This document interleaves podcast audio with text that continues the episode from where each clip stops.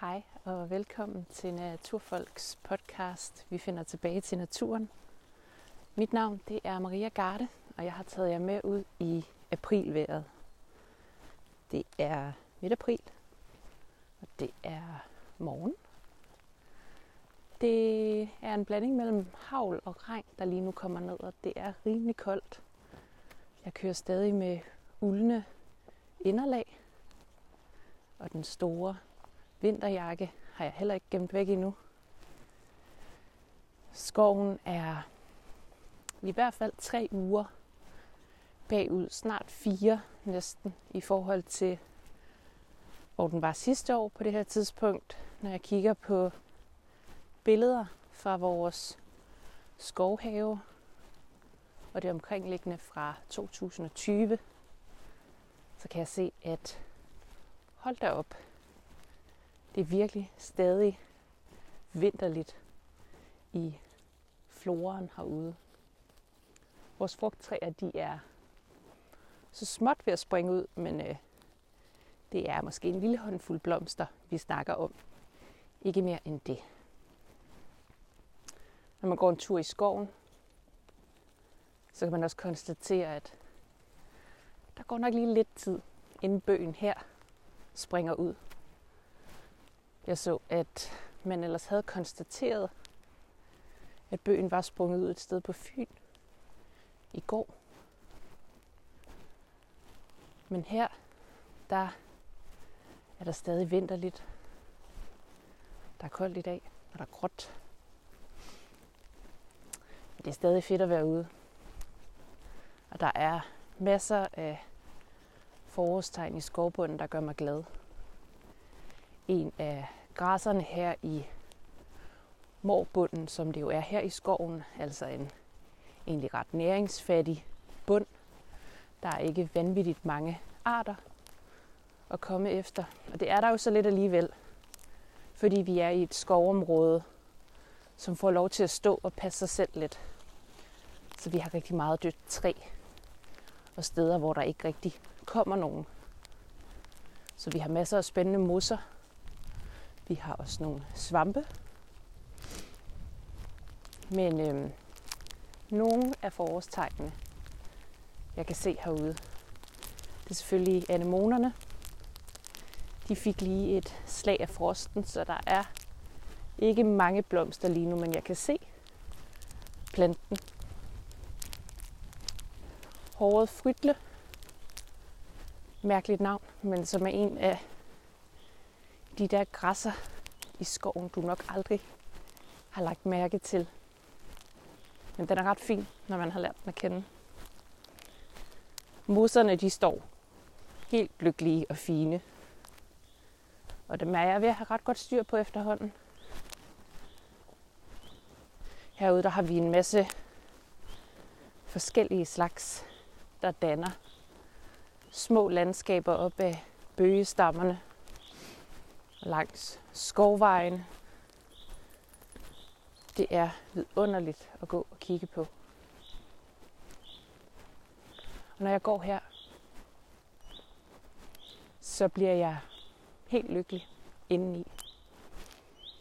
Og jeg går her til morgen og tænker rigtig meget over en post, jeg så på Twitter af den efterhånden Danmarks kendte biolog, Morten D.D. Han havde postet et screenshot fra en undersøgelse, europæisk måske, om befolkningens mening og forståelse omkring, hvordan naturen i de respektive lande har det. Og det her, det var så med henblik på de kommende nationalparker, der skal anlægges i, i Danmark. Altså at vi får mere natur, mere vild natur, områder, som er fredet fra menneskers gøren og laden. Noget jeg er rigtig begejstret for.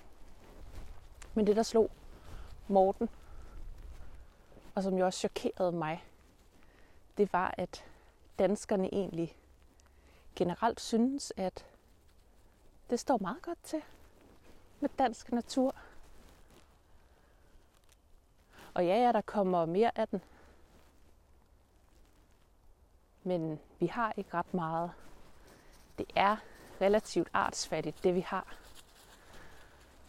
Og så gik jeg ned og kiggede i tråden under den her Twitter-post, og kunne også godt ligesom se, jamen, en gut, der havde svaret, at jamen, han var vokset op på landet, og de havde noget skov til og sådan noget. Han havde egentlig altid opfattet hans skov som enormt divers, og så havde han så været i noget nationalpark, og kunne godt konstatere, at hans billede af sund, biodivers natur, den var røv og nøgler. Altså der var jo intet at komme efter. Så jeg kan også godt forstå, at hvis vores udgangspunkt som danskere for at gå ud i naturen og forstå den og tilegne os noget viden, den er ja, den er i bund. Jamen, hvad er det så, vi vurderer ud fra?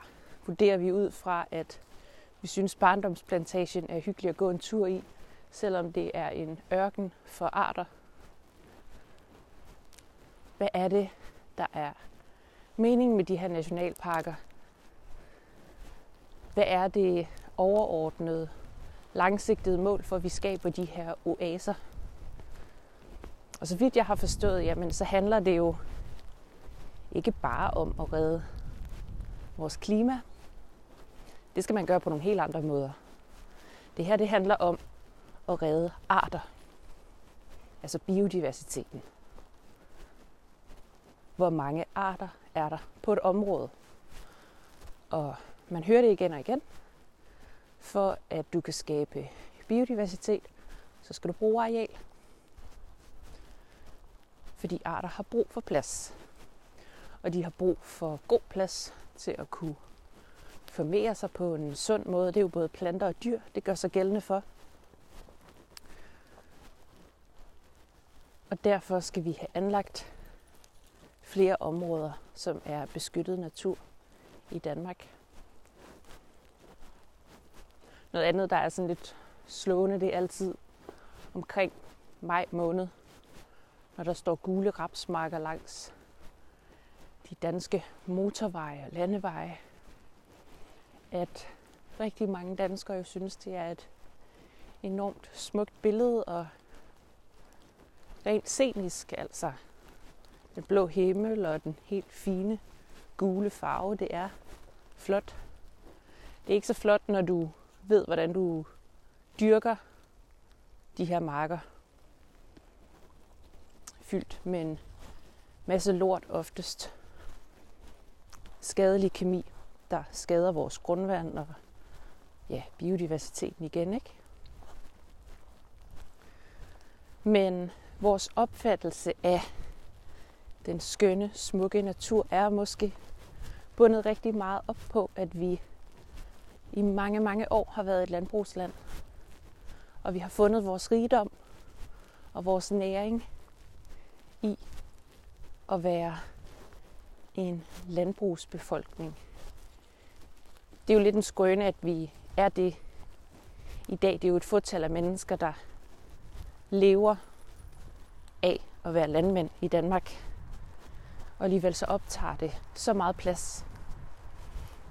Det er en diskussion, der kommer til at gå de næste mange år med landbrugsstøtte og hvordan skal vi drive landbrug? Og er der nogle steder af landbrug, vi måske skal skære fra?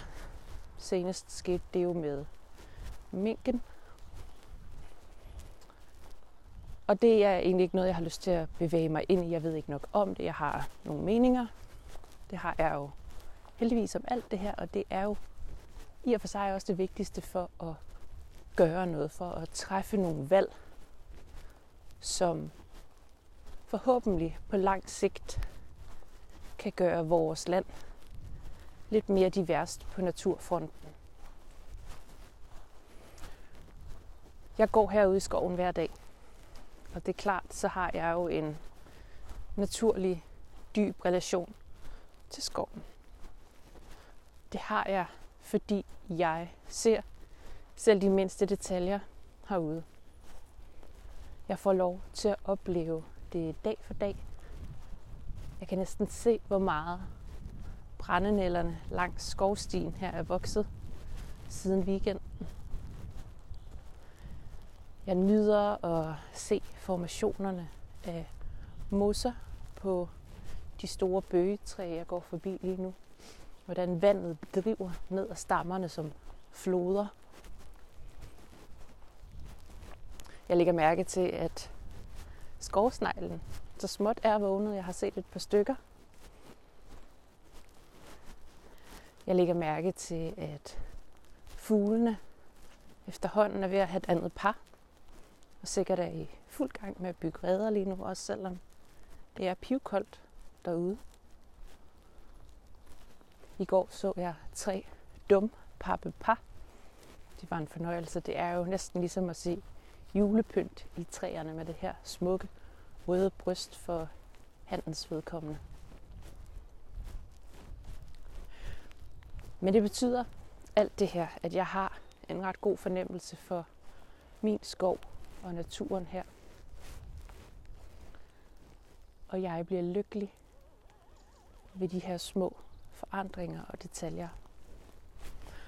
Og det kan jeg jo godt se, at det har de fleste danskere ikke helt samme mulighed for at gå ud og opleve hver eneste dag.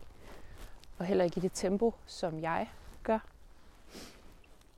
Og derfor kan det måske også godt være svært at forholde sig til et spørgsmål som, jamen skal vi have nationalparker i Danmark? Hvad skal de gøre godt for? Har vi ikke god natur? Altså, jeg har da lige været i skoven i påsken. Det var da bare så hyggeligt. Og jeg så der også to væltede træer. Men det er jo ikke nok. Vi skal jo have meget mere, og det skal vi ikke for at redde klimaet. Det kommer på længere sigt. Det kommer netop ud af vores naturkærlighed, som vi får ved at bevæge os i spændende natur. Oplevelserne af at se en sjælden svamp, eller en sjælden mus, eller en bille, eller en fugl. Eller en kæmpe dårdyrflok. Hvad ved jeg? Alle de her små ting er jo det, der skaber grundlaget for, at vi passer på vores natur og på vores klima på længere sigt, og at vi træffer nogle valg, som fremtidssikrer vores måde at leve på.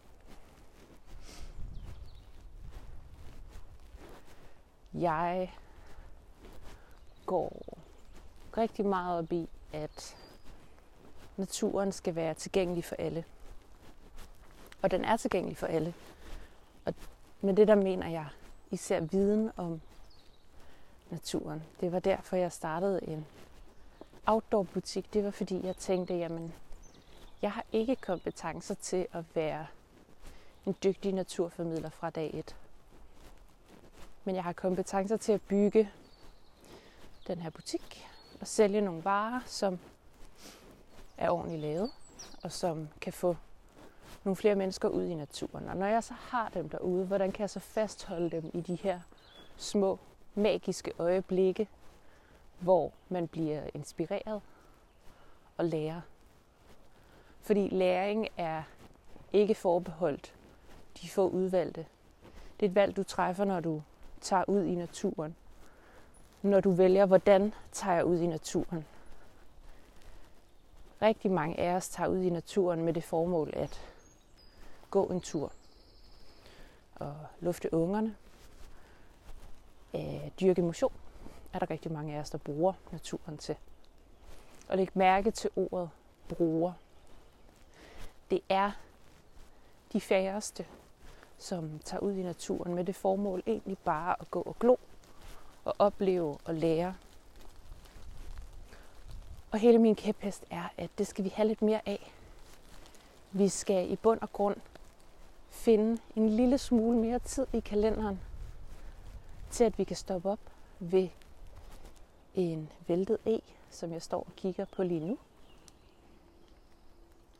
På den her væltede e, der vokser det fineste moslag.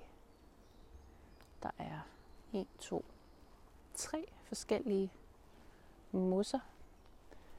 Den dominerende her, det ligner fjerbregne mus. Jeg kan også se, der sidder en enkelt poresvamp. En lille en. Det er de her svampe, der ligner hove, som sidder på stammer. Ofte på døde træer. Eller døende træer. Giv sig selv tid til at gå ud og opleve de her små ting. Ikke bare gå forbi dem. Det er mit overordnede mål. Jeg tror, at hvis vi skal ændre noget ved, at holdningen herhjemme er, naturen har det fint nok. Vi behøver vel ikke nationalparker. Det er vel okay, at vi bare tager ud og bruger den, som det passer os. Så skal det hele nok gå.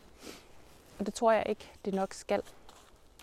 Også fordi vi faktisk tager mere og mere ud i naturen lige for tiden. Det er jo rigtig godt. Men det har nogle sideeffekter, som medier, især små lokale medier, en gang imellem dækker. Og det er, at vi tager ud i naturen og opfører os uhensigtsmæssigt. Vi har ingen respekt for vores omgivelser, og heller ikke for de næste, der følger efter os på en shelterplads, hvor man har rodet og glemt at tage sit affald med.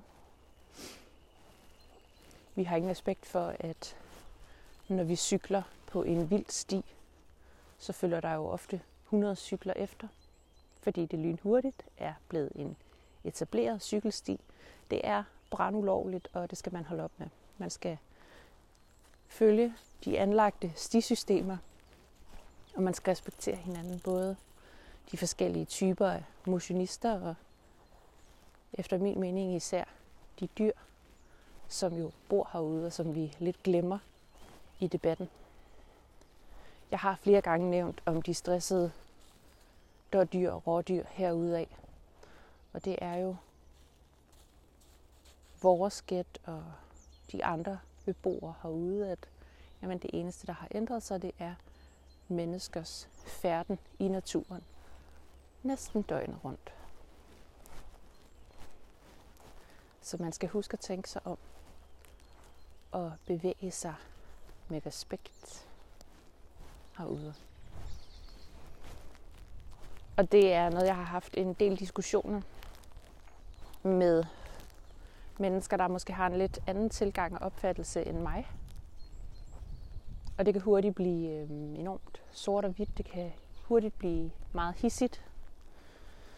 Og det er jo selvfølgelig, fordi man er passioneret på begge sider af sagen. Jeg tror, dialog er rigtig vigtig.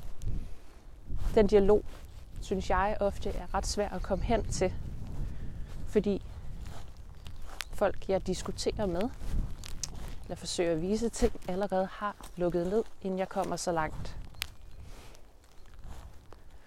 Jeg har en unik mulighed for at vise, hvordan det står til herude. Jeg har et erfaringsgrundlag at bygge min udsagn på.